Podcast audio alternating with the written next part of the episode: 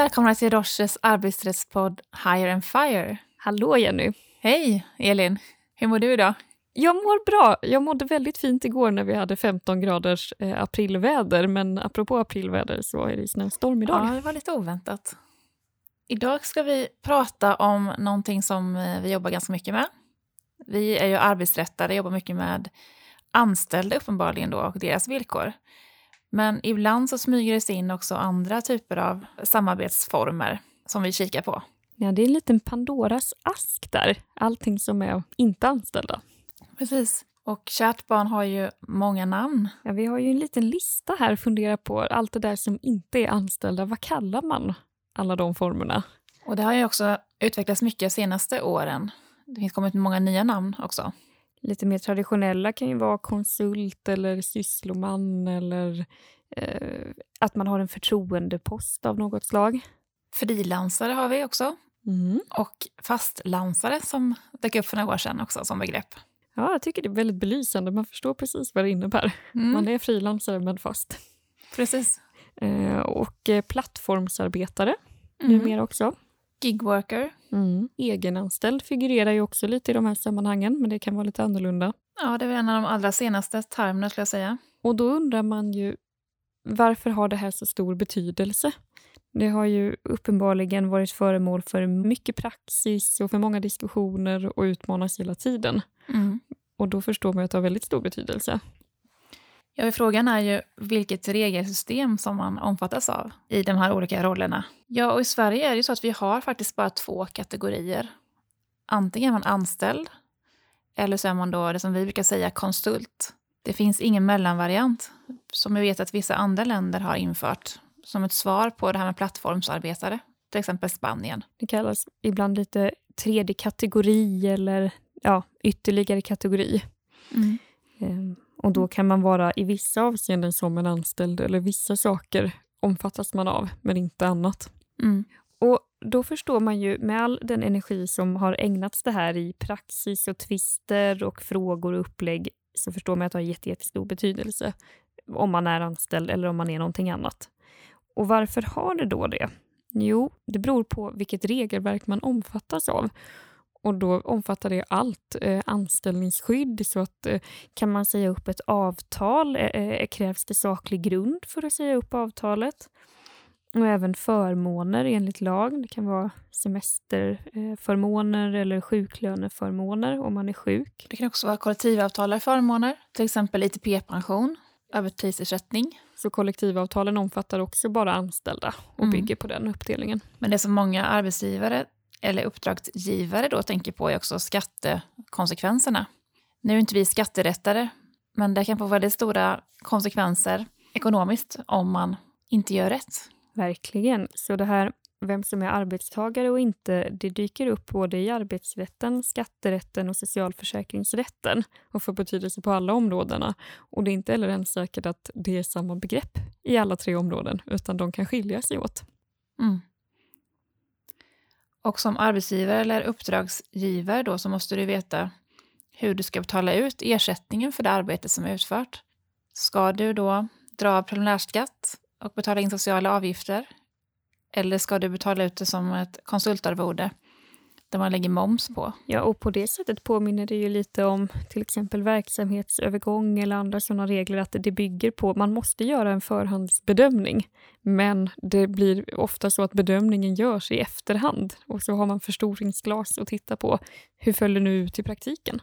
Och där har vi i skatterätten ändå en liten förenkling att de som är konsulter ska ju ha eh, godkännande för F-skatt. Så då kan ju uppdragsgivaren lite luta sig tillbaka på det. Då är den delen tydliggjord i alla fall. Mm. Men med det sagt så innebär inte det att man nödvändigtvis anses vara anställd enligt arbetsrätten bara för att man har F-skattsedel. Nej, och då kommer arbetsrätten upp lite som gubben i lådan. Och då tror jag det är dags att kolla lite närmare på hur vet man om någon är en anställd eller om den är någonting annat än konsult. Mycket tid och energi har ju lagts på att fundera på vem som är anställd och inte och det har gått i praxis i många olika vändor. Så att om man tittar på praxis över arbetstagarbegreppet och vem som är det och vem som inte är det, så kan man se att det utkristalliseras i några huvuddrag som man kan utgå från när man gör sin bedömning.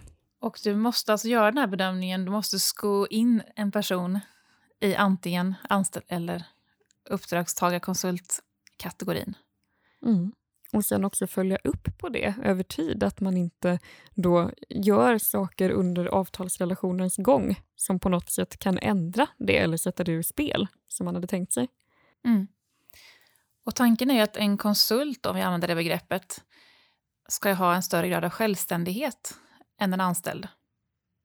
Så de här, eller de här kriterierna som vi kommit upp nu har egentligen att göra med att mäta hur självständig personen är i förhållande till uppdragsgivaren.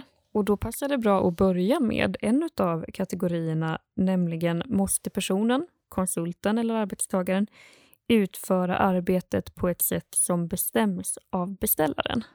Ja, precis. Det handlar om hur pass mycket instruktioner får man från uppdragsgivaren eller arbetsgivaren. Mm, och då tänker man väl lite på arbetsgivarprerogativet och på eh, friheten att bestämma vad som ska utföras och hur, som en arbetsgivare har. Men mm. däremot kanske inte en beställare på riktigt samma sätt. Så få detaljerade instruktioner, kanske från, från gång till annan. Eller har du mer en uppgift du ska klara av på det sätt som du själv då bestämmer. Och apropå arbetet så kan man också fundera på vem som ska utföra det här arbetet. Eh, är det personen själv som säljer en tjänst eller är det vem som helst som den eh, utser? Mm.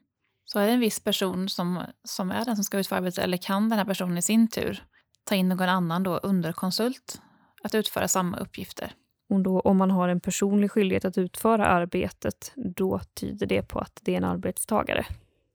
Och en annan fråga det kan vara var arbetet utförs. Och då tänker man sig, utförs det hos personen som beställer eller hemma hos, eh, till exempel, eller i egna lokaler hos den som utför arbetet?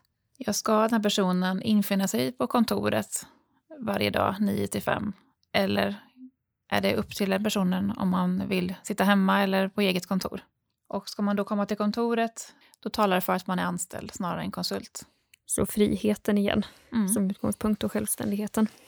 Och eh, en annan fråga det är vem som ser till att utrustningen finns på plats som behövs för jobbet. För normalt så tänker man sig när någon är anställd att man får den arbetsutrustning som man behöver för sitt jobb. Så jag får en dator av, av Rocher som jag kan använda. Precis, och det handlar både om att tillhandahålla men också bekosta mm. utrustningen.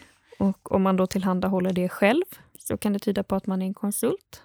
Men om arbetsgivaren står för det så kan det just tyda på att det är en arbetsgivare. En annan fråga som är viktig för bedömningen då är om den här personen själv får bestämma eh, arbetstider, eh, när man ska ha semester och var man ska jobba? Eller är det så att det här är förbestämt eh, och att det är uppdragsgivaren eller arbetsgivaren då som bestämmer? Just det, när, när saker och ting behöver göras och, och hur och så. Mm. Man kan väl säga också att det handlar mycket om att eh, skilja den här personens ställning eh, från anställda ställning för att man ska anses vara konsult. Om man sitter på kontoret 9 till 5 och använder samma utrustning som alla andra anställda, eh, man måste ansöka om semester i samma tid som alla andra, då är det mycket som talar för att man är anställd. För att man har exakt samma upplägg som anställda har. Så lite sammanlagd magkänsla. Mm. Inte så att vi jobbar med magkänsla, men, men ger man sammanlagt bilden av att vara en anställd? Och en väldigt viktig punkt är ju om konsulten då också får ha andra uppdrag samtidigt eller är det så att um, man bara får utföra arbete för den här uppdragsgivaren? Precis, och då tänker vi ju på, på arbetstagarens lojalitetsplikt mot arbetsgivaren som ju omfattar både att man ska inte jobba för en konkurrent men också att man ska sätta arbetsgivarens intresse före sitt eget och så. Och det har ju då en konsult inte som utgångspunkt. Så det får man ju reglera i avtalet då, vad som ska gälla. Mm. Och om det är så att den här personen inte får utföra arbete för någon annan mm. uppdragsgivare så talar det för att man är anställd snarare än konsult. Mm. Och det finns ju flera sådana mindre hur man utformar avtalet. Pratar man om att man jobbar heltid eller full vecka och gör det för o, eh, obegränsad tid framöver tills det sägs upp till exempel. Då låter man ju lite som en tillsvidareanställd. Mm. Och jag tänker också på tiden faktiskt. För vi pratade ju innan om att det är ju en sak vad man gör för bedömning från början och hur man utformar avtalet. Men sen kan det ju vara så att tiden går och man har varit på samma eh, arbetsplats som konsult i kanske fem år eller tio år. Någonstans börjar man bli en inventarie. Mm. Och det talar också för att man är anställd. Och likaså en speciell situation som ändå förekommer ganska ofta är ju att någon har varit anställd men sen eh, bestämmer sig för att eh, starta ett eget företag och vill gärna vara konsult istället. Och det är väldigt känsligt egentligen. Eh, då måste mycket till. För att det måste ändras väldigt mycket i hur arbetet utförs och de här villkoren som vi pratar om för att man ska anses vara konsult i det läget. Det kan inte bara fortsätta som vanligt, men man vill ha sin ersättning utbetald som konsultersättning istället för lön. Nej, det kan ju uppkomma, tänker jag, i vår verksamhet som jobbar mycket med företagstransaktioner, att man kanske har varit ägare tidigare och jobbat i bolaget, men man vill vara kvar som en rådgivare efter ett, eh, en försäljning. Men som Jenny säger så behöver ju mycket ändras då. Ja, och då ska man gärna ha en specifikt projekt man jobbar med eller att man då samtidigt har andra uppdrag så att man inte jobbar heltid för den före detta arbetsgivaren. Då.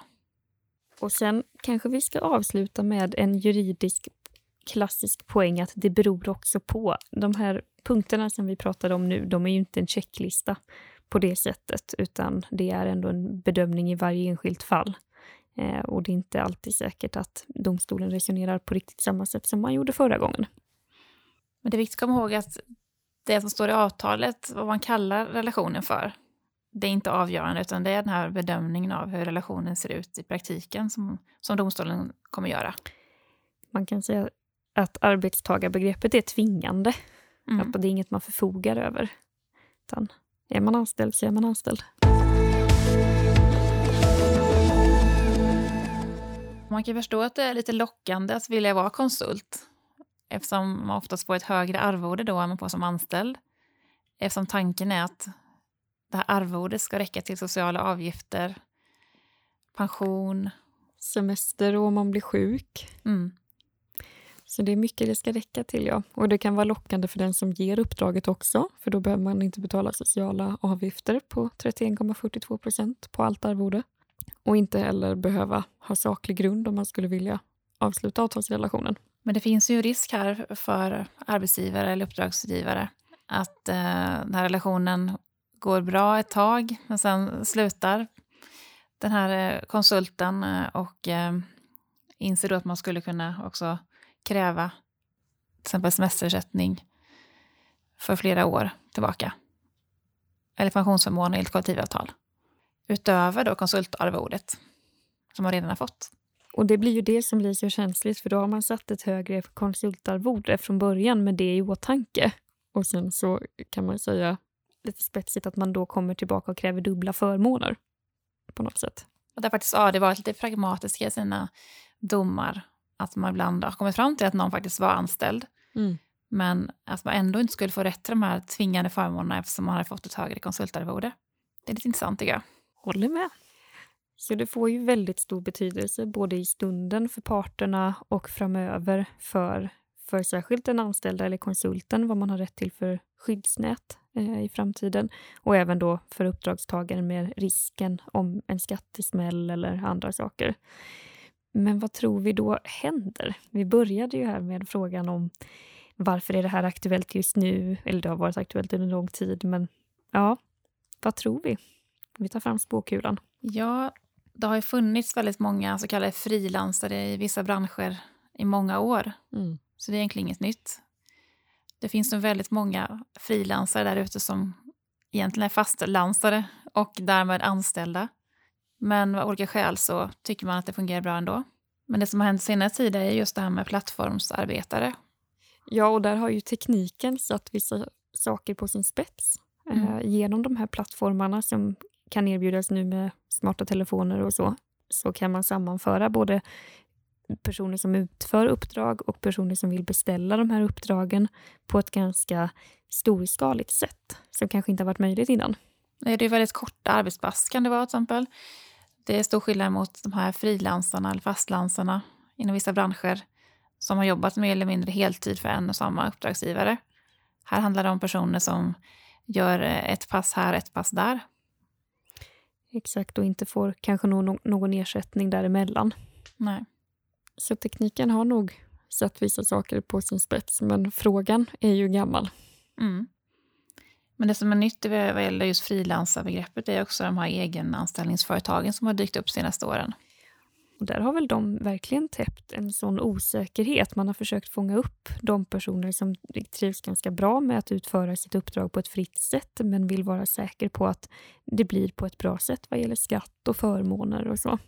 För det går till på det sättet att egenanställningsföretaget då eh, ser till att eh, skatt dras av och eh, sociala avgifter betalas in. Men de täcker egentligen inte upp för det arbetsrättsliga skyddet eller socialförsäkringsskyddet. Det kanske är vår tredje kategori. Precis. Och det var ju väldigt akut när de här plattformsföretagen kom och många funderade på om det skulle komma olika nya regler eller så. Men nu har ju ändå tiden gått. Så frågan är om det har tappat momentum eller vad som händer nu. Mm. Sen har ju branschen med plattformsföretag och gigarbete också mognat och blivit mer etablerad och saker och ting ser inte alltid ut idag som de gjorde när plattformsföretagen kom. Utan nu har vissa företag börjat anställa anställda eller teckna kollektivavtal. Så det är inte statiskt heller. Nej, det här är en utveckling som kommer pågå under många år. Och det börjar väl sätta sig lite grann. Och både de som utför arbetet och de som beställer arbetet börjar vänja sig vid det. Man förhåller sig till det på ett annat sätt. För vi tror väl inte att det här kommer avta utan snarare öka. Med Ja. tanke på att eh, många anställda eller konsulter de, de föredrar en friare eh, arbetssituation. Och det är ju fantastiskt att Mm. kunna vara mer självständig som Mm. vi pratade om i början. Mm. Och vad vi skulle vilja skicka med då till de som beställer tjänster eller är arbetsgivare är ju att både fundera på förhand och sen övervaka vad som händer över tid. Om någon ber dig att eh, skriva ett konsultavtal så ska du fundera både på de skatterättsliga aspekterna men också på vad relationen verkligen är arbetsrättsligt. Kan man verkligen säga att den här personen är en konsult eller inte? För man bestämmer ju inte det eh, helt själva mellan parterna. Nej, vad du kallar avtalet spelar egentligen ingen roll. Utan man tittar på hur relationen är i praktiken. Och det som också gör det så svårt att avgöra om någon är konsult eller anställd ibland, när man inte har all den informationen. Precis. Också därför det kan ändras över tid. Man kan agera på ett sätt över tid som gör att saker och ting får en annan prägel än vad det kanske ser ut bara i avtalstexten. Mm. Så tänk efter före och övervaka under tiden. Ja. Och med de orden är det dags för oss att säga hej då för den här gången. Tack Elin och tack alla som lyssnade. Tack Jenny. Hej då! Hej då!